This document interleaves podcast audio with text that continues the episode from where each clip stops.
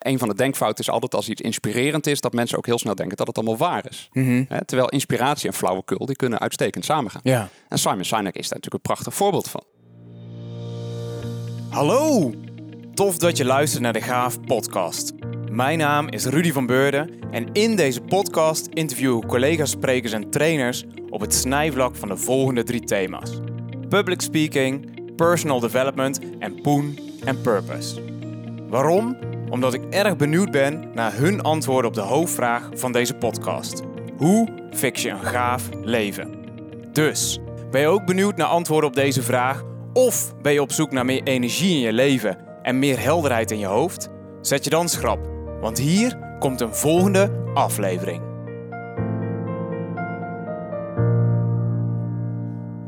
Goed, vanaf vandaag eh, ga ik eens werk maken van al die dingen die ik toezeg in mijn podcast.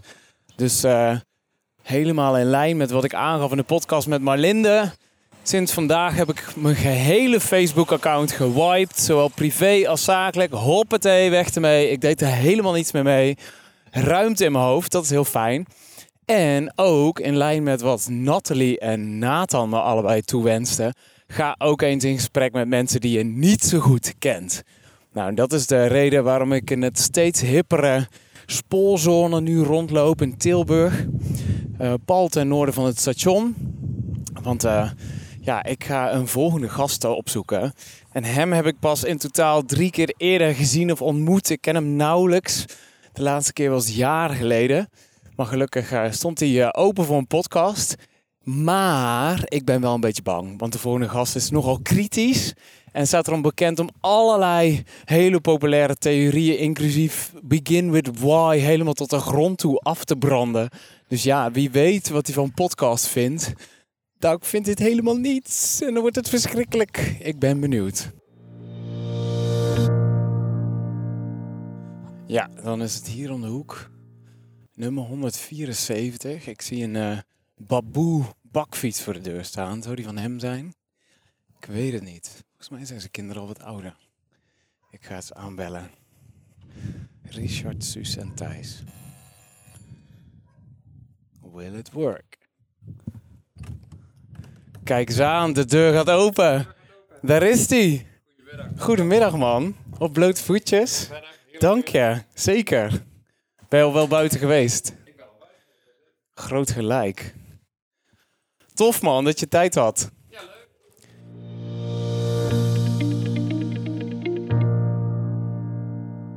Kun je jezelf goed horen? Ja, ja, volgens mij wel. En mij ook een beetje. En jou ook. Ja. Ja. Nou, als jij er klaar voor bent, dan ben ik dat ook. Laat maar komen. Ja? Ja. En wat zei je daar net al toen ik binnenkwam? You're going down. Ja, dit was natuurlijk een grapje. Hè? Ik, ik, ik, ik, wens altijd iedereen hetzelfde toe. Uh, alleen net zoals jij een missie hebt om iedereen te positiveren, heb ik een missie om iedereen te laten nadenken. En, uh, en, en, en, bij nadenken hoort volgens mij ook dat je op enig moment gaat, gaat inzien dat positief denken toch, toch niet het antwoord is. Oké, okay, daar gaan we het zeker over hebben. Hier met Richard Engelfried bij hem thuis aan de keuken slash woonkamertafel in het mooie Tilburg. Hartstikke fijn dat ik langs mocht komen. Graag gedaan. We hebben jouw naam in de podcast al een keer eerder gehoord. Want Nathan de Groot van podcast nummer 6... die heeft daadwerkelijk voor jou gewerkt hier in het mooie Tilburgse. Kun je heel kort Klopt. vertellen hoe dat ging? Want hij studeerde toen volgens mij hier ja. aan de universiteit. En ja, jij ik, hebt ik, ook hier gestudeerd. Ja, ik gaf vroeger heel veel uh, workshops. Vooral in debatteren. En uh, ook een keer aan uh, toekomstige sociologie-studenten. En Nathan was toen nog scholier en, en die schoof daar aan en dat vond hij heel leuk. En die vroeg toen daarna of hij met mij een kopje koffie mocht drinken en uh, dat hebben we gedaan. En toen zocht ik op enig moment een, een, assistent, omdat mijn werk, dat liep wat uit de klauwen. En ik had vooral hè, wat organisatorisch talent aan de achterkant nodig, zoals het dan zo mooi heet. Uh, dus, dus Nathan is toen mijn assistent geworden en uh, die heeft uh, fantastisch gewerkt en dat was, dat was ontzettend leuk. En ik vind het heel leuk dat hij nu ook voor zichzelf is gestart. En, Zeker. ja, ja. Ik denk een half jaar terug of zo ben ik toevallig weer bij me in de buurt geweest in Amsterdam wezen eten. En dat was heel gezellig. Leuk, ja. ja en het gaat hem heel goed. Hij heeft nu zijn eigen PA, ja, heeft hij uh, verklapt inderdaad. Ja, en leuk. jouw uh, requirement eis was, de vraag die hem stelde was, ben je Pietje precies? Was dat zo? Ja, oh, dat weet ik niet meer. Ja, Ja, Hij zei, ja, het moest natuurlijk wel die... Ja, je moet wel eh, Facturatie de- en zo Ja, moest je moet de administratie doen en daar moet je, eh daar moet je wel Pietje precies voor zijn. Ja, ja. Maar dat is niet hetgeen waar jij het meest enthousiast van wordt. Eh, Daarnet, voordat de microfoon aanging, zei ik dat jij ook op je 24ste voor jezelf bent begonnen. Ja, klopt. Jij en ik schelen 10 jaar, zag ik in de voorbereiding. Jij bent van 77, als ik dat mag verklappen. en ik van research gedaan. 87. Ja. Ja, ja. En jij bent in 2001 gestart en ik in 2011. Maar als je dan 24 was, dan was je ook ongeveer klaar met jouw studie aan Tilburg Klopt. University. Ja, ik ben in 2000 afgestudeerd. Oké. Ja. En toen heb je een jaar lang niks gedaan of een Nee, poging hoor. gedaan om een baan te fixen of Nee, hoor. meteen al voor jezelf gestart? Nee, ja, ook, ook eigenlijk niet. Ik, eh, ik, ik ben in 99 heb ik mijn eerste workshop gegeven. Dat was, eh, was bij toeval. Via een, eh, een, een kennis van me uit het debatwereldje. Die, die had een aanvraag gekregen voor een workshop, maar er was geen geld. En hij, hij wilde dat niet meer doen. En toen vroeg hij het weer aan een vriend van me. En, eh, en die vriend die had ja gezegd. En die had toen een avond van tevoren toch een beetje angst gekregen om dat in zijn eentje te gaan doen. Dus die belde mij toen van, vind je dat niet leuk dat we dat samen gaan doen? Dus eh, ik had zo, nou ja, gezellig, dan gaan we, gaan we samen. Dus toen zaten we samen in de trein, hebben we eh, in, in de trein een workshop voorbereid. Die gegeven en, en, en dat was heel leuk. En, en dat was in Den Haag. En daar zat een dame in, in dat gezelschap en die belt ons een paar dagen later weer op van... Oh, wat doen jullie dat leuk? Ik heb ook een congres en kunnen jullie bij ons op congres niet komen? Dus zo gingen we naar het congres toe. En, eh, en zo hebben we denk ik, ehm, nou, ik denk zeker eh, een jaar, anderhalf jaar overal allemaal workshops gedaan. En, eh, en, en pas na anderhalf jaar kregen we in de gaten dat je daar inderdaad ook daadwerkelijk geld voor mocht vragen. Ja. En toen werden we ineens een, een heus debatbureau en, en kregen we nog meer klussen. Want dat is ook altijd heel raar als je dingen, dat is alvast de eerste tip. Als je voor dingen geld vraagt, dan, dan is het meer waard dan dat je dingen gratis doet. En dan komt er ook ineens meer werk uit. En, ehm, en tegelijk was ik inderdaad op een gegeven moment ook aan het afstuderen. Dat was in 2000. En toen heb ik daarna nog een, een eh, paar maanden als, als onderzoeker gewerkt aan de universiteit. En, eh, en ik kreeg zelfs van mijn afstudeerbegeleider ook het aanbod om te gaan promoveren. Ehm, en toen ben ik eerst inderdaad maar eens eh, een paar maandjes op reis geweest. Ik denk twee of drie maanden zoiets. En dat was, was hartstikke leuk. Zo van, wat, wat ga ik nou doen? Ga ik onderzoeker worden of, of, of ga ik me op die klussen richten? En toen kwam ik terug en toen vroeg iedereen natuurlijk van, eh, nou, wat, wat is het geworden? En, en het eerste wat ik toen dacht van, oh shit, ja, daar ben ik helemaal vergeten over na te denken. Ehm, dus toen, eh, toen dacht ik, nou ja, maar goed, ik heb nou een paar leuke klussen liggen, dus eh, daar ga ik daar voorlopig maar mee beginnen. En, eh, ja, en, en nu zijn we inderdaad iets van twintig jaar verder en eh, nog steeds vergeten na te denken. Still going Ja. strong. Ja. Terwijl je dat juist voor elkaar wil krijgen bij anderen. Misschien is dat ook wel gewoon de makker van een ambacht. Bij de loodgieter thuis lekt kraan en een bakker heeft nooit lekker brood te eten. Ja, nee, dat was, was uiteraard een grapje. Oké. Nee, ehm, je bent- moet wel scherp blijven. Ja, ja, ja, zeker. Nee, eh, Oh, nee, ik ik, ben, ik ben inmiddels tot, eh, tot de conclusie gekomen dat, dat ik vind wetenschap echt fantastisch en ik vind nadenken ook fantastisch, maar ik, ik pas niet in de wetenschap. Net zoals ik veel heb nagedacht over eh, of ik in de politiek zou moeten. Ik heb ook hier op de lijst gestaan voor de gemeenteraadsverkiezingen in 2002 in, in Tilburg. Eh, en ook daar tot de conclusie gekomen dat dat, dat niet mijn ding is. En, eh, en, en dat ik veel gelukkiger word in, in een beetje een vrije rol, zeg maar, hè, die ik nu heb als, als dagvoorzitter of als spreker, als columnist. Eh, en ook een beetje in, in de rol als nar om dingen ter discussie te stellen en, en, en mensen ook aan, inderdaad aan het denken te zetten. Dus, dus ik zit heel erg goed op mijn plek. Ja. Eh, ik niet op dit precieze plekje, misschien juist nou, want ik ben echt heel bang dat ik voor het einde van dit podcast in tranen ben uitgebarst als je positiveren met de grond gelijk hebt gemaakt. Maar voordat we naar een aantal juicy anekdotes gaan waarbij je mensen flink hard aan het denken hebt gezet of geconfronteerd met een domme bedrijfsstrategie of wat dan ook. Waar heb je zelf in die afgelopen twintig jaar het meeste denkwerk met betrekking tot jezelf ingestoken? En wat was jouw aha-moment of turnaround point of inzicht waarvan je dacht, of ging het eigenlijk heel kalm en, en ben je gewoon in één keer in de, in de juiste richting gerold? Ja, ik, geloof nooit zo in, die hele, eh, in dat hele rigoureuze. Hè. Ik geloof wat wel dat je gewoon dingen eh, moet uittesten. Hè. Ook dat hoort bij de wetenschappelijke methode. Mhm. Je kan wel allemaal op je zolderkamertje dingen bedenken, maar eh, ga het ook maar eens, ga het maar eens doen en ga het maar eens ervaren. Mhm. En, en ik geloof heel erg in, in gewoon kleine stappen zetten. Hè. En, en, en ik ben workshops gaan geven en dat was hartstikke leuk. En op een gegeven moment merk je van, nou, ik begin er nou ook een beetje zat te krijgen. Nou, dan, dan ga je er weer eens mee stoppen en dan ga je weer kijken wat er dan weer op je pad komt.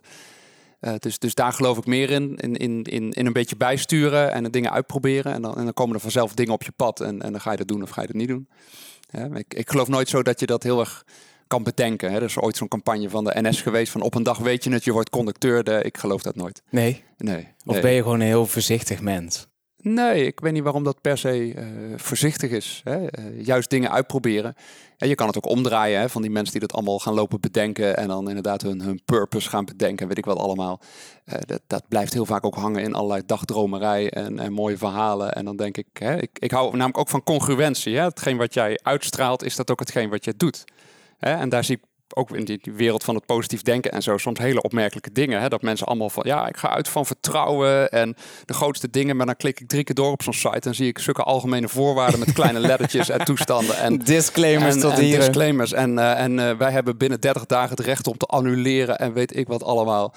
En dan denk ik, ja, zo doordacht is dit blijkbaar allemaal niet. Strookt totaal niet. Nee. Nee.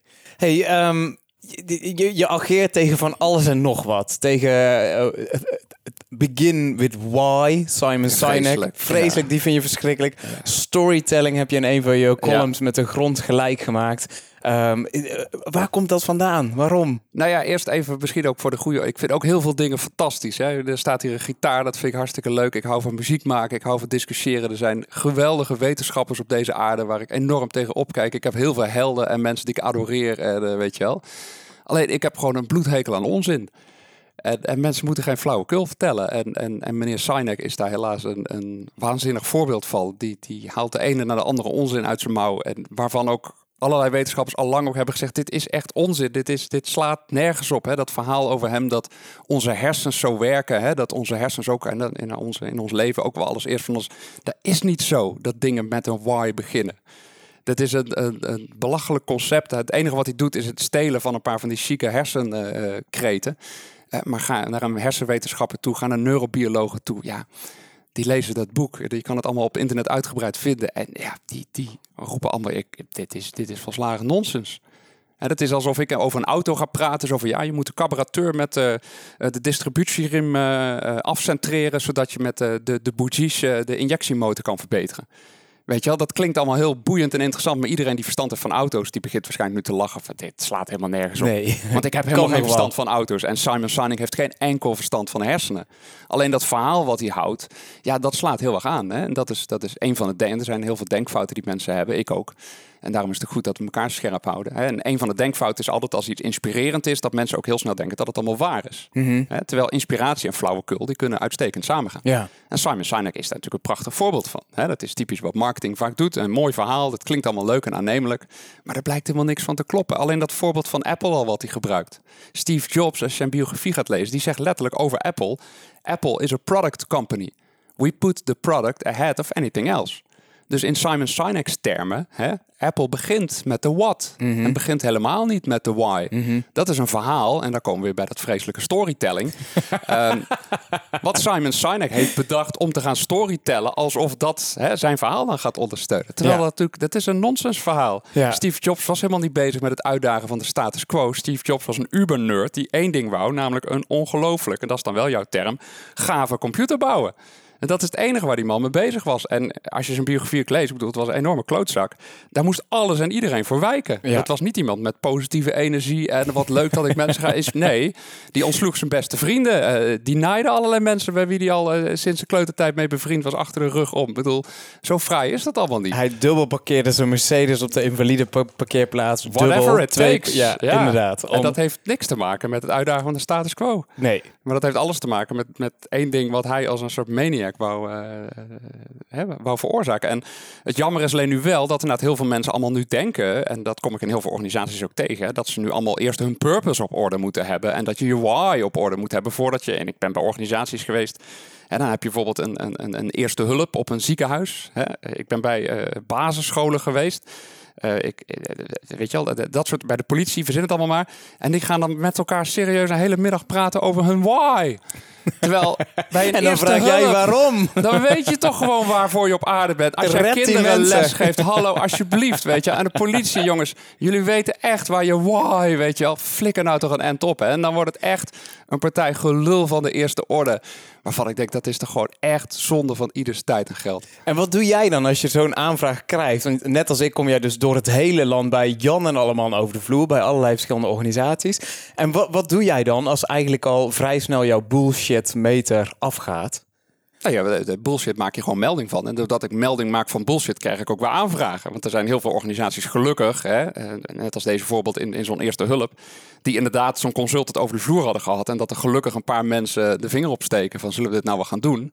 En dat daardoor mensen beginnen na te denken en zeggen van misschien moeten we die gekke consultant met zijn YMS niet uitnodigen, maar willen we gewoon iemand die zijn gezond verstand kan gebruiken. Ja, en die kritische vragen durft En te die stellen. kritische vragen durft te stellen. Want En- daar wil jij gevraagd voor worden dus. Echt die inhoud, die wetenschappelijke benadering, kritische vragen stellen, de ui afpellen. Ja, maar niet, niet alleen dat. Kijk, ik, eh, ja, ik, ben ook een beetje, ik ben ook, eh, je hebt me ook wel voor een groep. Ik ben ook gewoon een hartstikke leuke, enthousiaste eh, gespreksleider. Ik hou van lachen en van humor, weet je Ik wel. was echt Alleen- een beetje bang om hier naartoe te komen, Richard. Ja, maar dat hebben mensen altijd. Dat, dat, dat- maar dat heeft een beetje met die bubbel te maken. Hè? Als je gelooft in positief denken, dan heb je ook al het idee dat zodra het kritisch wordt en zodra iemand tegenargumenten gaat geven, dat dat dan ten koste moet gaan van de sfeer. Terwijl volgens mij, maar dat is met mijn achtergrond, ik hou van debatteren. Er is niks leukers dan elkaar tot op de bot affikken. Om gewoon een idee te testen. Hè? En daarna, dat vond ik aan debatteren ook altijd leuk. Hè? Dan, hebben wij, wij gaan ergens over in debat. Ik ben voor, jij bent tegen. Dan gaan we er helemaal vol in. Maar daarna kan ik prima met jou een biertje drinken. En wat er bij sommige mensen misgaat, en ook dat is weer een denkfout, hè, is om te denken van god, omdat we het ergens over oneens zijn, vind ik die persoon ook onaardig. Of omgekeerd, vindt die persoon mij ook onaardig. Maar eh, even voor de goede orde, Simon Sinek, ik heb hem nooit ontmoet, maar het lijkt me een super aardige kerel. Ja. Lijkt me een hele fijne vent. Ik weet niet of hij kinderen heeft. Is ongetwijfeld een hartstikke goede vader. Eh, Ik weet niet of hij vrienden heeft, maar het zal ongetwijfeld een hele leuke vriend zijn. Ik weet niet of hij getrouwd is, maar het zal ongetwijfeld een hele fantastische eh, eh, man zijn. Ik bedoel, alleen er komt af en toe wat onzin uit zijn mond. En daar kunnen we het er gewoon over oneens zijn. Maar Zeker. dat hoeft niks te zeggen over de persoon. Hè? Er hoeft niemand bang voor mij te zijn. Eh, het enige, ja, ik, ik hou van het debat. En ik hou ook van het, hè, het testen van een idee door het eens even flink... Hè, net als een, een, een auto, hè, die ga je ook niet testen op zijn veiligheid... door heel zachtjes tegen een muur aan te rijden. Van, Nou, hoe gaat het met de auto? Oeh, flink hard. Er zit een krasje. Nee, we gaan er even met 120 tegenaan. Ja, Want ja. we willen weten, wat blijft er dan nog over? En dat vind ik ook met Simon Sinek. Als we het even flink tegen de muur smijten, ja, dan blijft er volgens mij niks van over. Ja. En ik vind dat heel nuttig om te doen. In plaats van alles zo heel voorzichtig te doen. Hè, dat is, eh, Zijn er nog meer eh, de anekdotes die je zo te binnen schieten waar je echt met open mond naar gekeken hebt? In een van de columns las ik over de Chief Storyteller Officer. Van, eh, van een vrouwtje die dan bij eh, de, de, de, de gemeenteafdeling vergunningen werkt. ja. En haar leidinggevende had zichzelf dan uitgeroepen tot Chief Storytelling Officer. Dat Ja. jij ook denkt, hoe dan en waarom? Nee, ik, ik heb de meest afschuwelijke eh, e-mails gekregen. Gewoon waar je, waar je af en toe. Dat je af en toe. Hè, want soms denk ik ook wel eens misschien. Eh, is het allemaal niet zo erg als ik denk. Maar dan krijg ik iedere keer dat soort mailtjes. En dan denk je van, oh man, het is echt, het gebeurt echt, weet je wel. Ik denk altijd, het is een grap en het zijn van die consultants die dat dan vertellen. Maar iedere keer met dit soort voorbeelden denk ik weer van, ja, blijkbaar gebeurt het dus echt in de praktijk. Dat de mensen zichzelf Chief Storytelling Officer gaan noemen. En als ze dan jouw tekst lezen, dan voelen ze zich daar zo door aangevallen. En dan gaan ze je mailen. Eh, eh, ja, dat is bij, ook dat gebeurt. Eh, maar er zijn overigens ook heel veel mensen die me mailen met allerlei bedankjes. En mensen die super blij zijn dat eindelijk eens iemand zegt wat ze ook denken. En dat ik dat onder woorden breng. En, en weet je wel, noem het allemaal maar op. Dus Ja. ook daar geldt hoor. Ik bedoel, 90% van de reacties die ik krijg is allemaal super. In jouw termen dan maar super positief. mensen zijn heel blij met wat ik doe. Ik heb een grote schare fans en vinden het allemaal hartstikke leuk. Ja. En meestal zijn het vooral die consultants die hun geld verdienen. Eh, die natuurlijk heel boos zijn als ik agile eh, belachelijk maak. Als zij zichzelf agile noemen. En dat geldt ook voor die Simon Sinek. Dat wist ik ook niet. Maar er zijn dus in Nederland ook al Simon Sinek gecertificeerde consultants. Hè. Dan betaal je 5 of 10.000 euro om je dan in te werken in zo'n programma. En dan mag je Simon Sinek gecertificeerd noemen. Ja, die mensen vinden het, dat snap ik ook wel. Die vinden het natuurlijk niet leuk dat ik Simon Sinek loop af te zeiken. Want dan heb je net zoveel geld uitgegeven. Ja. Maar ja, dat is, sorry dat ik zeg, maar dat is verder niet mijn probleem natuurlijk. We leven in een vrij land. En, eh, en, en ik zeg nog altijd, en dat geldt nog steeds, kom maar op met je bewijs. Nou ja, tot nu toe heb ik nog niks gehoord. Ja, Dus, eh, ja, helder. Hey, en het gaat niet altijd alleen maar over andere coaches en consultants en eh goeroes en managementdenkers, maar soms ook over jezelf. Ik heb een interview met jou gehoord op de radio met Dolf Jansen over jouw boek De Succesillusie, Ja. waar je eigenlijk de vloer aanveegt met, met coaches en ja, lukrake voorbijgangers in organisaties. En dan op een gegeven moment zegt Dolf, ja, maar dan kunnen we het ook over jou hebben. mhm. En dan zeg jij ook, dat vind ik helemaal niet erg. Ik durf mezelf wel in de spiegel aan te kijken, of in, in, in, in mijn bewoordingen dan. Je vindt het ook niet erg om je eigen rol ter discussie te stellen. Heb je wel eens een, een, een fitty gehad met een opdrachtgever of een aanvaring die iets totaal anders hoopte? Of waar jij gewoon echt je eigen mening niet meer onder stoelen of banken kon houden? En eh, dat je eens een keer flink met de vuist op tafel sloeg van ja, en nu is het klaar met die onzin. Nee, nee wat, eh, volgens mij is het eh, geen geheim wat ik doe, waar ik voor sta, eh, wie ik ben. Dus, dus En, en ook jij krijgt je opdrachten via via. Ik heb al verschillende andere sprekers ja, gesproken. Ja, en die, nee, die heb- zijn dan een keer in de groep en dan worden ze gezien. En op basis daarvan. ja. Nee, ik, heb, eh, eh, ik, ik werk ook heel bewust niet via allemaal van die sprekersbureaus en dat soort toestanden. heb ik wel eens gedaan, maar dat, dat leidt tot alleen maar tot ruis. Dan krijg je, ja, dan krijg je dit soort misverstanden. Hè? Omdat zo'n sprekersbureau, die gaan natuurlijk altijd die klant helemaal, eh, hè, helemaal naar de zin. Pro, ja, nee, zeker, zeker. Dit gaat u doen, dat gaat u doen. Terwijl als ik zo'n klant lijn, ja, dan kan ik ook mijn grenzen aangeven. En dit doe ik wel, dat doe ik niet. En Ja. weet je, noem maar op. Dus Ja, nee, daar heb ik eigenlijk geen... eh, so far nee, ik heb zo far so good. eh, ja, volgens mij geen ontevreden klanten. Ander- Anders mogen zich bij deze melden. Ja, helder. Mooi. Hey, en je geeft al aan dat je ook, ook schrijft eh, als columnist. Eh, doe je dat nog steeds nu voor het Algemeen Dagblad? Nee, voor het Algemeen Dagblad ben ik gestopt. Omdat die, die, die, er was een rubriek en dat was heel erg leuk om te doen. En dan ging ik iedere keer zo'n managementmethode na. Maar na een half jaar was ik daar gewoon wel een beetje zat. Gewoon, dat werd, voor mij was het niet meer uitdagend. Mhm. Hè, het was wel leuk om te doen, maar dat is net als een mop tappen. Op een gegeven moment, hè, dat, ja, dan heb je dat wel gehad. Dus ik, ik, ik heb nu ook mijn vrijheid weer terug en dat vind ik ook heel lekker. En eh, ik ben nu ook aan het experimenteren met korte stukjes, maar ook langere stukken. Ik heb net een eh, stuk geschreven over eh, dat fenomeen bullshitbanen. Daar was ik gevraagd om een lezing te geven hier in Tilburg in de Lokhal. Nou, dat vond ik heel leuk. Dat, heb ik heel, heel, dat is een heel lang verhaal geworden en dat was ook heel leuk om te doen. Want het bleek dat dat verhaal van die bullshitbanen ook enorme bullshit was. En nou ja, ook dat zijn- Bullshitbanen, dat heb ik helemaal gemist. nog nooit van gehoord. Nee. Nou, eh, bullshitbanen dat is een, een theorie van, van David Graeber, die eh, net zo goed onderbouwt als Simon Sinek. En, eh, en die roept dus dat er in Nederland en andere landen ook, dat er dus mensen zijn met bullshitbanen. En dat zijn dus mensen die het gevoel hebben hè, dat ze wel werken, maar dat hun werk er eigenlijk niet toe doet. Mhm. En, eh, en er is een VPRO-documentaire over gemaakt. En in die VPRO-documentaire komt die Graeber ook nogal nadrukkelijk aan woord. Hè? En, en daar wordt dat probleem natuurlijk enorm opgeblazen. En, en daar wordt geroepen dat 20, 30, misschien wel 40 procent van alle mensen in Nederland die werken een bullshitbaan hebben. Zo, dat is nogal. Dat is nogal wat. Hè? En als dat zo zou zijn, dan, dan stevenen we natuurlijk af op een enorm drama. En dat horen we die Graeber ook zeggen. Eh, maar vervolgens ben ik natuurlijk weer naar dat onderzoek gaan kijken. En dat onderzoek blijkt dan te bestaan uit een online enquête. Gehouden midden in de zomer in Engeland. Waarin een aantal mensen antwoord hebben gegeven op de vraag of ze vinden dat ze iedere dag een betekenisvolle bijdrage leveren aan de wereld. Nou, dat is nogal een grote vraag. Ja. Of jij iedere dag. eh, nou, en, en op, de, op die vraag geven midden in de zomer in Engeland ongeveer 200 mensen in een online enquête, hè, dus anoniem, we weten niet wie dat zijn, geven ongeveer 200 mensen aan dat ze niet iedere dag dat gevoel hebben. Nou, en op basis van dat onderzoekje krijgen we dus dat percentage van 37% En, en er wordt heel dat, nou ja, en dat is natuurlijk een hele magere onderbouwing. En er zijn allerlei andere enquêtes gehouden waaruit blijkt dat natuurlijk mensen zijn die het gevoel hebben dat ze geen zinvol werk hebben. Maar dat percentage is veel kleiner. Dan moet je denken aan ongeveer 8% van de mensen. Eh, en daarnaast, hè, dat is ook, eh, het is nu een fantastische tijd om van baan te wisselen. Dus als jij nu een baan, een bullshitbaan hebt eh, in het onderwijs, zitten ze te springen om je. Kun je heel zinvol werk doen. Ja. In de zorg zitten ze te springen om handjes. Eh, als je dat niet leuk vindt, ga lekker in de bouw werken. Kun je heel concreet huizen bouwen. Zitten ze te springen om handjes. Je kan Klopt. vrachtwagenchauffeur. Dus ja, ga niet lopen vertellen dat we een of ander maatschappelijk probleem hebben. Hè, en, en dat is ook iets hè, waar ik... Ik weet niet of je mensen kent als Pinker en dat, dat soort denkers. Hè. Het gaat ongelooflijk goed met de wereld. En waar ik mij dus ook tegen verzet, en dat is misschien nu een beetje een nieuw thema aan het worden, is, is zeg maar, het doemdenken en mensen die allerlei problemen eh, eh, naar buiten aan het brengen zijn. En dat we daar dan hè, met elkaar op een enorme ramp aan het afstevenen zijn. Ja, en ook daar doe ik hetzelfde als die managementtheorieën. Dat wil ik wel empirisch onderbouwd zien. Dan wil Ja. ik weten, waar baseren we dat dan op? Is dat een paar anekdotes? Zijn we elkaar aan het bang maken? Hè? Zoals David Graeber ook doet, van oh, bullshitbanen. Of blijkt dat allemaal reuze mee te vallen? Mhm. De nuancering. Ja, en heel vaak is dat, nou ja, niet alleen de nuancering, maar ook gewoon het vragen naar onderbouwing van waar, waar baseren we dit nou op? Hè, hoe, hoe zorgen we voor die link? En bijvoorbeeld, dat las ik op jouw site ook, hè, dat 1 miljoen mensen eh, kampen met burn-out klachten en dat soort dingen. Hè. Nou, ook daar moet je maar eens naar kijken. Eh, dat getal, hè, dat gaat natuurlijk ook overal rond. Maar het is natuurlijk ook de vraag, waar baseren we dat nou eigenlijk op? Dat is geen constant getal. Hè, dat zijn allerlei vragen eh, die mensen in een vragenlijst invullen. Hè, die we dus ook niet gecontroleerd hebben, ook echt zo is. Iedereen kan alles invullen. Ehm, maar de ene burn-out is de ander niet. Er zijn mensen die rondlopen met een gevoel van zinloosheid. Er zijn mensen die het gevoel hebben dat ze tegen hun grenzen aanlopen. En dat is natuurlijk één ding. En vervolgens ook de oplossing die je eraan koppelt. Dat we dat probleem zouden kunnen oplossen door positief te gaan denken. Ja, dat is, heeft ook nogal een shaky basis. Hè? Want we weten al heel lang dat positief denken ook heel veel nadelen heeft. Mhm. Uh, en de link dat als we nu maar positief gaan denken, dat we dan al die uh, uh, burn-outs gaan oplossen. Ik kan met hetzelfde gemak, zoals jij het onderbouwt, kan ik ook het omgekeerde gaan beweren. Namelijk dat al die mensen een burn-out komen, omdat er allemaal van die coaches en goeroes zijn, dat je de hele dag positief moet denken en dat je leven de hele dag gaaf moet zijn. En door die druk gaan we op een gegeven moment ten onder en komen allemaal mensen in een burn-out terecht. Terwijl volgens mij het verhaal van jongens, het leven is af en toe gewoon kloten. Soms zit het tegen en uh, een aantal mensen hebben uh, fantastische banen en allemaal chakka heel de dag.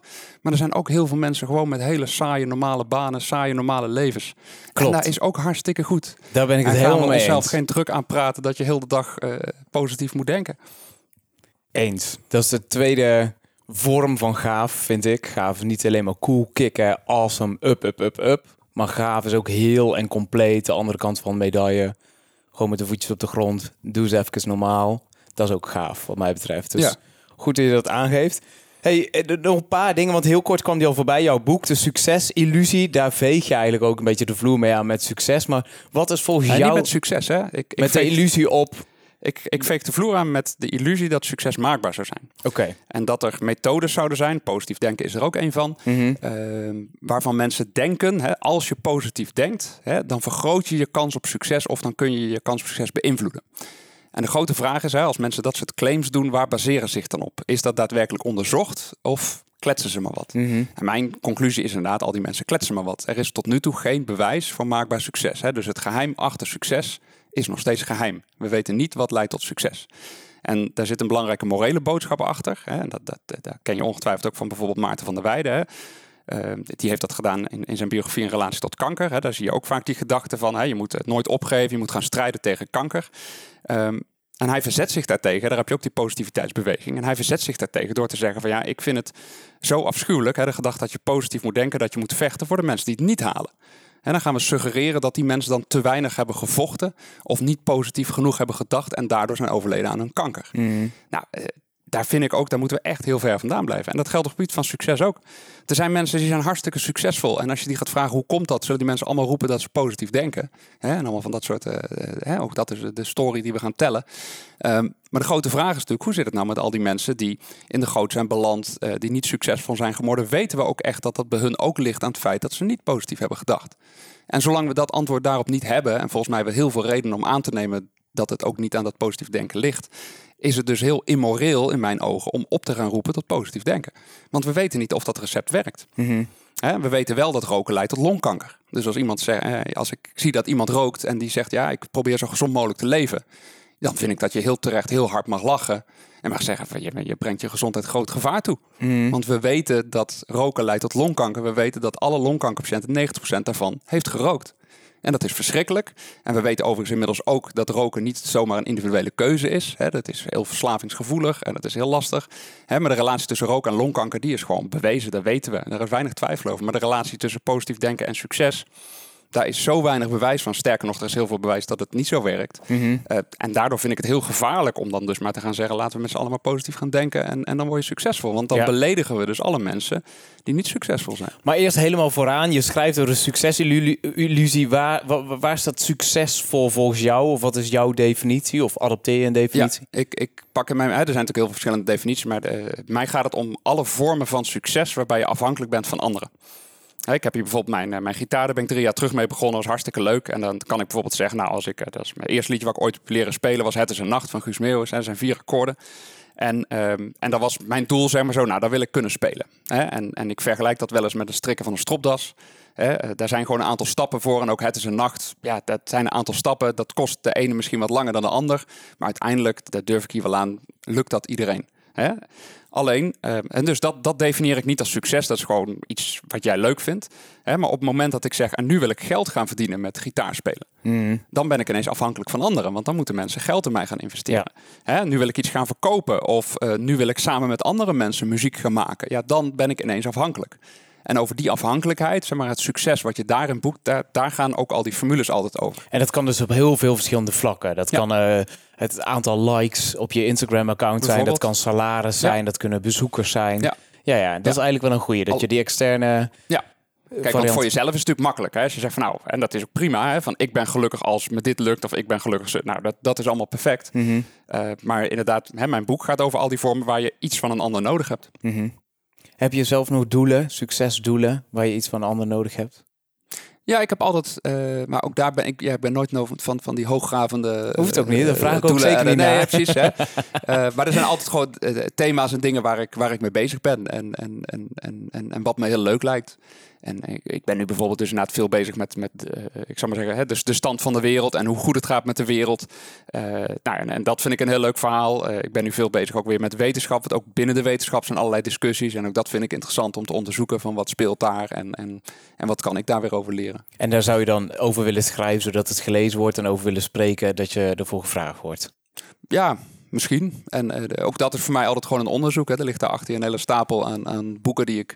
Een aantal wel, een aantal niet, een aantal half. eh, nou, noem maar op. En, en, en meestal eh, sneeuwbal ik van het ene boek weer naar de volgende. Ja. En, eh, en, en dus, oh ja, ook dat vind ik leuk. Weet je, maar ik heb daar inderdaad nooit een heel concreet doel dat ik. Hè, dat was net als met, dat, met die column in het Algemeen Dagblad. Ja, dat kwam toevallig voorbij. Ja, super tof. Hè, dat heeft mijn uitgever geregeld. En nou ja, hartstikke leuk. Mhm. En op enig moment ben ik ook weer mee gestopt. Ja.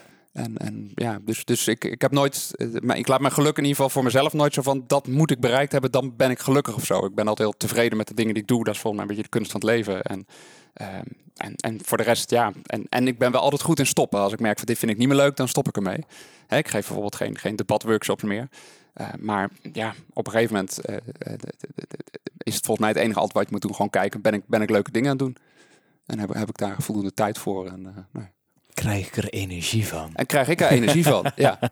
Ja, wauw, cool. Ik zie een paar mooie boeken liggen inderdaad, waaronder eh, Ons Geluksideaal, maar ook eh, Warme Aarde, Cool Hoofd. Lees je sowieso veel door het jaar heen? Ja, ja, ik lees veel. Eh, Ook als je opdracht hebt, want nu zitten we begin juli, wat je er net al Ja. in de pauze aangaf.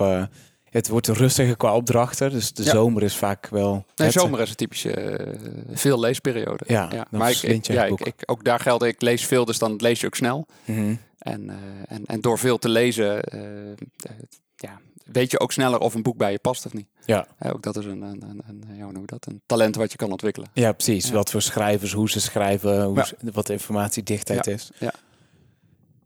Hey, en ehm, ja, ik wil je nog een aantal dingen vragen. Sowieso de, de overstap van voor een groep gaan staan. Eigenlijk gaf je aan vanuit je studentenperiode ging dat heel gemakkelijk. Ja. Ehm, soms kom ik wel eens mensen in groepen tegen die dat echt enorm eng vinden. Wel een Ja. boodschap hebben, iets willen vertellen. Al dan niet binnen hun eigen organisatie. Want Ja. wie beter dan wat zou een organi- organisatie moeten doen om te verbeteren dan de eigen medewerkers weten het. Ja. Maar zij durven niet altijd, zelfs al in een vergadering of bij een Ja. meeting of wat dan ook voor een groep staan. Heb je daar als veelvraag spreker Ja. tips voor? Ja, doe het niet.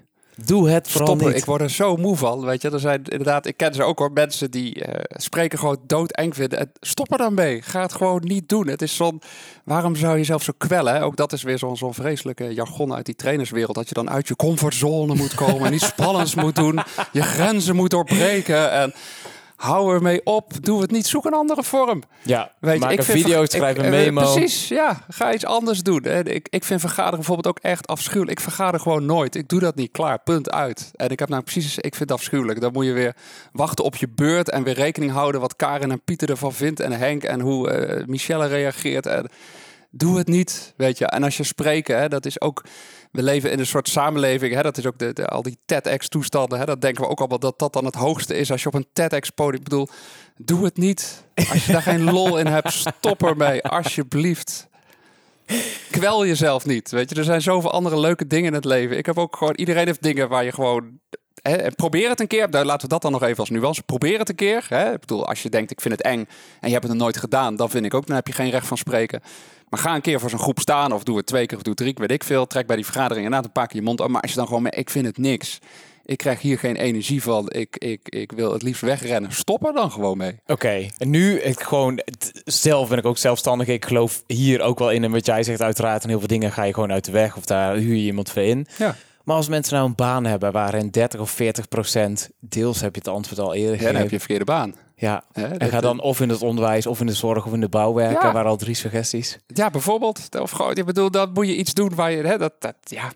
eh, kijk, ik, ik, je kan het ook om. Hè? Ik ben bijvoorbeeld inderdaad, ik ben wel ook een Pietje precies. Hè? Ik ben heel goed in mijn administratie en dat soort dingen. Maar ik vind dat helemaal niet leuk. Dus daar moet ik ook geen baan in gaan zoeken. Terwijl ik het misschien wel heel goed zou kunnen. Mhm. Hè?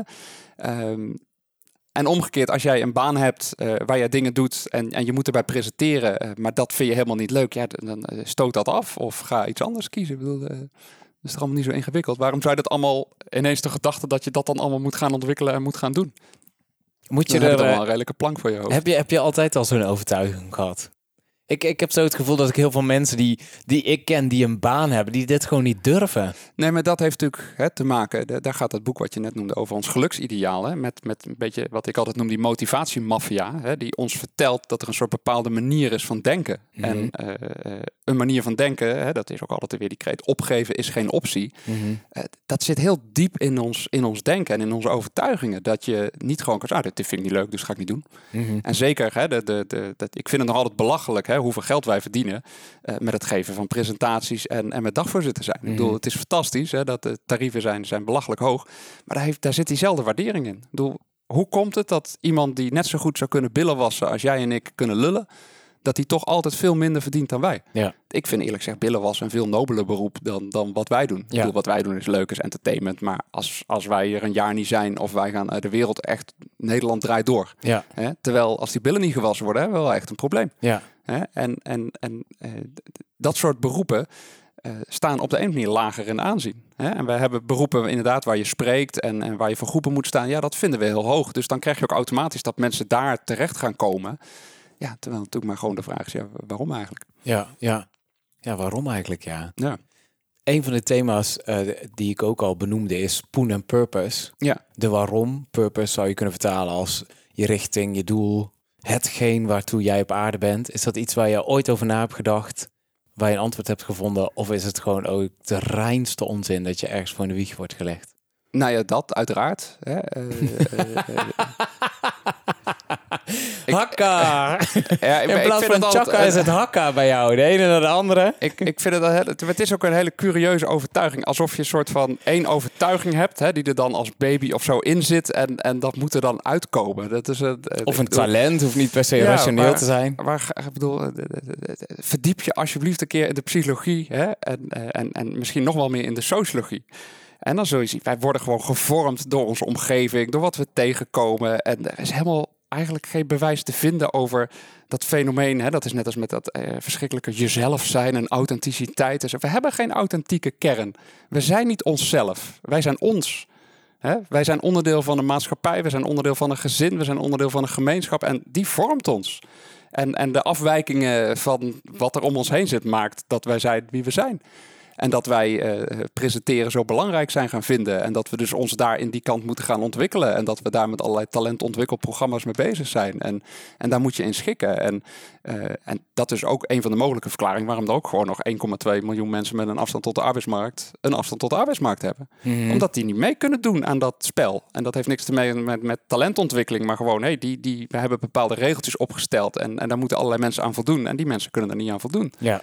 En eh, om dan eh, ook maar weer even hetzelfde tegen die mensen te gaan zeggen met een afstand tot de arbeidsmarkt. Ja, ja, jullie moeten op zoek naar je kern en wat drijft je nou echt en wat vind je nou echt belangrijk. Ja, ik vind dat echt zwaar beledigend. We moeten juist kijken van hoe kunnen we nou gewoon voor zorgen dat die mensen aan de bak komen. Mhm. Dat die een betekenisvolle en zinvolle eh, invulling van hun leven krijgen. Dat ze het spel wat werken heet of participeren heet, dat ze dat mee kunnen spelen. Ja, nou, en, en bijvoorbeeld één, ik vond het een fantastisch experiment van de, de Start Foundation. Dat een lelijk Engelse term open hiring.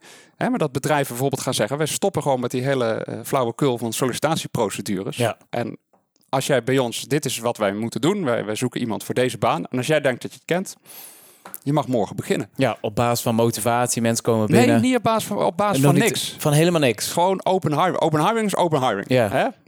Als jij denkt dat je dit kunt, kom binnen. Kom hier werken. En dan gaan we over een maand praten we weer eens verder. Ja, Hè? En, en, en dan ga je dus inderdaad ineens een heel scala aan, aan eh, psychologische ellende. Hè? Van allerlei vooroordelen die we hebben. Als iemand met een neusring binnenkomt of een tatoeage of weet ik wel, weet je wel. Mhm. Dat zetten we dan aan de kant. Van, laat het maar gewoon zien. ja. En kijk eens wat er dan gebeurt. Nou, dat soort experimenten, ja, dat vind ik heel waardevol. Dan denk ik van, hé, hey, dan, dan zijn we meer vooruit aan het komen uh, dan dat we de boodschap gaan verspreiden dat iedereen op zoek moet naar zijn purpose en, en waar die voor toe op aarde is. Uh, weet je wel, ik, ja, ik bedoel, dat is prima als je heel veel tijd en geld hebt, hartstikke leuk. Maar, ja. maar echt in het kort, jouw antwoord op de vraag, wat is jouw purpose? Je stelt dus eigenlijk één, die bestaat niet. En twee, als die al zou bestaan, dan is het de toevalligheid die er heeft toegeleid dat jij en ik ook presentator zijn geworden. Ja, voor een groot deel wel. En, en dan is het leuk, hè, die met je purpose kunnen achteraf natuurlijk een of ander kletsverhaal bij bedenken. En daar zijn we allemaal hartstikke goed in. Maar ik ken werkelijk niemand die van tevoren eerst zijn purpose dan heeft bedacht, weet je wel. En dan alles volgens zijn purpose gaat doen. Ik bedoel, dat, dat maakt mensen ook zo interessant dat uh, juist al die mensen die dat allemaal doen, als je even drie keer gaat doorvragen of je gaat op een website, dan vind je zo wel 15 dingen waarvan je zegt, ja, dat slaat toch helemaal nergens op als dit jouw purpose is. Mhm. Waarom doe je dat dan? Die incongruentie. Ja, ja, ja, en dat geeft ook niet. Hè? Ik bedoel, ik vind incongruentie juist leuk. Dat maakt mensen ook interessant. En weet je, alleen het laat volgens mij ook zien, het relativeert al die begrippen een beetje. Ja. Hè? Van, eh, tuurlijk, dat geldt voor ons allemaal. Doe alsjeblieft dingen die je leuk vindt. En als je merkt dat je iets niet leuk vindt, ga iets anders doen. Hè? Ja. Maar volgens mij is het veel verstandiger om gewoon dat te gaan doen, het gaan uitproberen, dan er allemaal hele sessies over na te houden. En, en vooral het idee dat er een soort één purpose is die alles drijft. En even Te ver gezocht. Ja. ja. Je gaf het al een paar keer aan dat jij af en toe ook jouw rol hebt geüpdate. Je hebt ooit workshops gegeven, debatteren, daar ben je ooit van afgestapt. Ja. Um, vorige week stond ik als host op een event in Eindhoven. Het Launch Yourself event over werkzoekenden en ook ondernemers die online meer zichtbaar willen zijn. En tussen de verschillende programma-onderdelen door ja, liet ik me daar ontvallen dat je af en toe gewoon je LinkedIn-titeltje als zelfstandige ook moet updaten. Want je hebt geen werkgever of baas, zo gezegd, die het voor je doet. Ja. Dus dat moet je zelf doen, wat jij dus ook al doet. Uh, spreken, columnist, uh, workshop begeleiden, hoe dan ook, wat het allemaal is geweest. Stel met de omgeving die je nu helemaal om je heen hebt gehad en je zit al twintig jaar in deze tak van sport. En je zou uh, langzaam doorrollen en andere dingen gaan doen. Een carrière, evolutie. Ik moet ook heel voorzichtig zijn met de woorden. Ja. Ik ga ook geen carrière switch zeggen. Ik weet Maar niet of dat, dat, dat, wel ik eindelijk een keer een fatsoenlijke baan zou zoeken, bedoel je? Ja, maar wat zou je dan willen doen? Zou je dan, ik vind het, ik vind het tof dat jij erover over denkt van de wereld en hoe goed hebben we het als wereld. Maar je noemt ook een paar hele grote maatschappelijke thema's. En eh, de bijeenkomst in dit werk dat wij doen, is dat je bij al die organisaties over de vloer komt en best wel een breed en volledig beeld van heel Nederland hebt, van hoe dingen in elkaar steken. Dat je denkt, holy shit, hier, hier klotst het over de plinten en daar komen ze zwaar tekort. Mhm. Heb, zou je daar iets mee willen doen? Zou je, zou je ooit zou je, je willen begeven in een andere rol om, om, om, ja, om iets anders te doen? Nee, ja, voorlopig niet. nee, maar dat is hetzelfde, weet je. Als je ja, waar, dat is ook zo, hè. Er moeten allemaal stippen aan de horizon. En, Nee, dat hoeft niet. Dat Nee, dus- dus nee. vraagt alleen maar, zit je er ooit over te denken? Nee. Of kom je langs een o- organisatie, nog zo'n gruwel wordt, die je zo gaaf vindt, dat je denkt, hier zou ik wel willen blijven plakken. Of doe mij maar een personeelspas. Nee, niet zo snel. Eh, nee. Nee. Nee. Oké. Zijn er nog dingen die jij aan luisteraars mee wil geven binnen de thema's public speaking, personal development, poen en purpose? Nou ja, vooral, weet je, durf dat nou al die begrippen dus een beetje te relativeren. Hè? En, en eh, allemaal prima als je daaraan mee wilt doen. En, eh, weet je wel, maar de- de- de- hou het ook een beetje, eh, hè, dat is een ander boek voor mij, hou het ook een beetje simpel. Mhm. Hè, dat, we maken net ook al het grapje, waarom moet dit een podcast heten? Waarom is dit niet gewoon een interview? Weet je wel, wat, wat is dat voor dikdoenerij? Wat, en, en, en, en zo zijn natuurlijk heel veel dingen waarvan ik al denk, waarom maken we er allemaal zo vreselijk ingewikkeld en zo'n poeha van? En waarom zitten we iemand die niet aan het werk komt eh, eh, lastig te vallen met eh, eh, dingen dat hij moet nadenken over zijn purpose en waar die, weet je wel, zorg dat iemand op de een of andere manier aan het werk komt. Dat, Maar hoe dan? Hoe dan? Dat is de vraag van al die, Daar die arbeidsbemiddelaars. Daar heb ik net, ja, nou ja, als, als, Door ze als- te introduceren als, op die... als, we die nou eens een keer aan de kant zetten, dan zijn we misschien al heel veel geholpen. Ehm, nee, maar bijvoorbeeld, ik geef net al zo'n voorbeeld. Hè? Bijvoorbeeld open hiring. Hè? Dat, Ja. dat is een fantastisch fenomeen. Eh, hier in Tilburg hebben we een geweldig bedrijf, bijvoorbeeld dat heet Capi. Hè? Dus, die, die maken bloembakken, hè? gewoon van die grote plastic potten waar je, waar je bloemen... Fantastisch bedrijf. Mhm. En, en die kerel had heel veel uitbesteed in Azië. Die heeft alles weer teruggehaald. Hè? Die zei, ik vind het als werkgever eh, eigenlijk niet te rijmen hè, dat ik allerlei werk in Azië laat doen, terwijl ik hier in Nederland ook mensen zou kunnen helpen. Ja. Hè, dat heet dan weer, ook weer zo'n lulterm, maar goed, dat heet dan weer eh, reshoring. Hè, dan ga je alles weer terughalen. Ehm, maar goed, daar zijn nu heel veel mensen met een afstand tot de arbeids gewoon weer aan het werk. Hè, dat zijn gewoon hele concrete initiatieven, waardoor mensen weer aan een baan komen. Hè, want op een gegeven moment lijkt het wel alsof we met allerlei mensen heel veel aan het lullen zijn over werk, maar niet aan het werk zijn. Ja. En, en dat vind ik wel jammer. En dat ik denk van de, de, en Tom Wildhagen bijvoorbeeld, hij hebt over helden van me of inspiratiebronnen. Vind ik een hele inspirerende man. Die heeft ook hier bijvoorbeeld in Tilburg de startersbeurs geïntroduceerd. Hè, waar net afgestudeerde academici, toen het crisis was en die kwamen niet aan de bak, uh, die konden gewoon een beurs krijgen van de gemeente. Waardoor ze zonder enig risico bij allerlei bedrijven aan de slag konden. Zodat je op je cv, op je LinkedIn, toch inderdaad gewoon ervaring had opgedaan. Dan kon je proeven, kon je ruiken, kon je dingen doen. En dan kom je ergens. En als je eenmaal een aantal dingen hebt gedaan, hè, dan mag je echt wel een keer lekker over je, over je purpose gaan nadenken. Maar niet als je nog niks hebt gedaan. Want dan weet je nog helemaal niks. Dus dan kun je wel een prachtig verhaal gaan verzinnen. Maar daar, daar schiet wel helemaal niks mee op. Ja. Hè, dus volgens mij een stuk minder coaching, uh, een stuk minder van die sessies gaan doen. En is wat meer gaan zoeken naar methodes waarvan we gewoon in de praktijk hebben gezien en getest. Hè, want dat blijft natuurlijk altijd mijn kritiek. Uh, dat ze ook daadwerkelijk leiden tot meer werk. En tot nu toe de onderzoeken die ik heb gezien naar al die coaching en dat soort dingen, die zijn redelijk bedroevend. Hè? En het is allemaal goed bedoeld, hè? daar twijfel ik niet aan. allemaal, eh, dat Simon Sinek zal het ook allemaal heel goed bedoelen. Maar ja, ik vind op enig moment moeten we ook weer eens tegen die muur durven rijden. En te kijken, heeft dit nou zin? Werkt dit nou echt? Draagt dit ergens toe bij? Nou ja, en, en, en ook daarover nadenken, als je het nou hebt over de toekomst, hè, dat, dat vind ik altijd heel erg leuk van hoe kunnen we dit soort dingen nou ook eens beter testen. Mhm. dan wat we nu meestal doen, want nu blijven we meestal hangen op een enquête dat we dan aan allerlei mensen gaan vragen of ze denken dat het zin heeft. Ja, dan zeggen al die mensen dan, wij denken wel dat het zin heeft. Ja, dat is Mhm. nogal logisch, want al die mensen verdienen er een boterham mee. Ja. maar gewoon, hoe kunnen we dat nou echt eens een keer goed testen? Ehm, welke manieren hebben wel zin, welke manieren hebben niet? Dat, dat vind ik interessant. En de technologie gaat dat misschien brengen met big data die niet liegt, maar die gewoon eh, registreert wat mensen doen of hoe ze door het leven rollen. Bijvoorbeeld. Ja, ja, ja. Ja. Oké, als afsluiten, totaal andere categorie. Eh, je hebt al een paar keer de positieve ervaring gehad dat een zomervakantie in Engeland werkt. Ja. Binnenkort weer. Ja, ja, binnenkort gaan we weer naar Engeland. ja, ja, we gaan in een kasteel zitten en uh, we gaan naar Blackpool. Ja. Dus, uh, volgens mij een hele treurige badplaats, maar ik ben er gewoon nog nooit geweest. Uh, daar wil ik gewoon een keer hebben gezien. En wat zijn onderdelen van je ideale vakantie? Wat mag er sowieso in zitten? Poeh, een ideale vakantie. Nou ja, ik, ik hou enorm van, van uitzicht. Ik, ik wil een wijds uitzicht kunnen hebben. Hè, dat, ik, ik, kijk, ik woon hier vlak in de binnenstad, dus ik kijk altijd tegen muren aan. Heel tegen, veel muurtjes, ja, een beetje een smal tuintje heb je, Precies. Richard, wel. Ja, het is een postzegeltje. Als je erin staat, dan kun je volgens mij met uh, allebei de armen, de precies, allebei de precies. banden. Ja, ja. ja.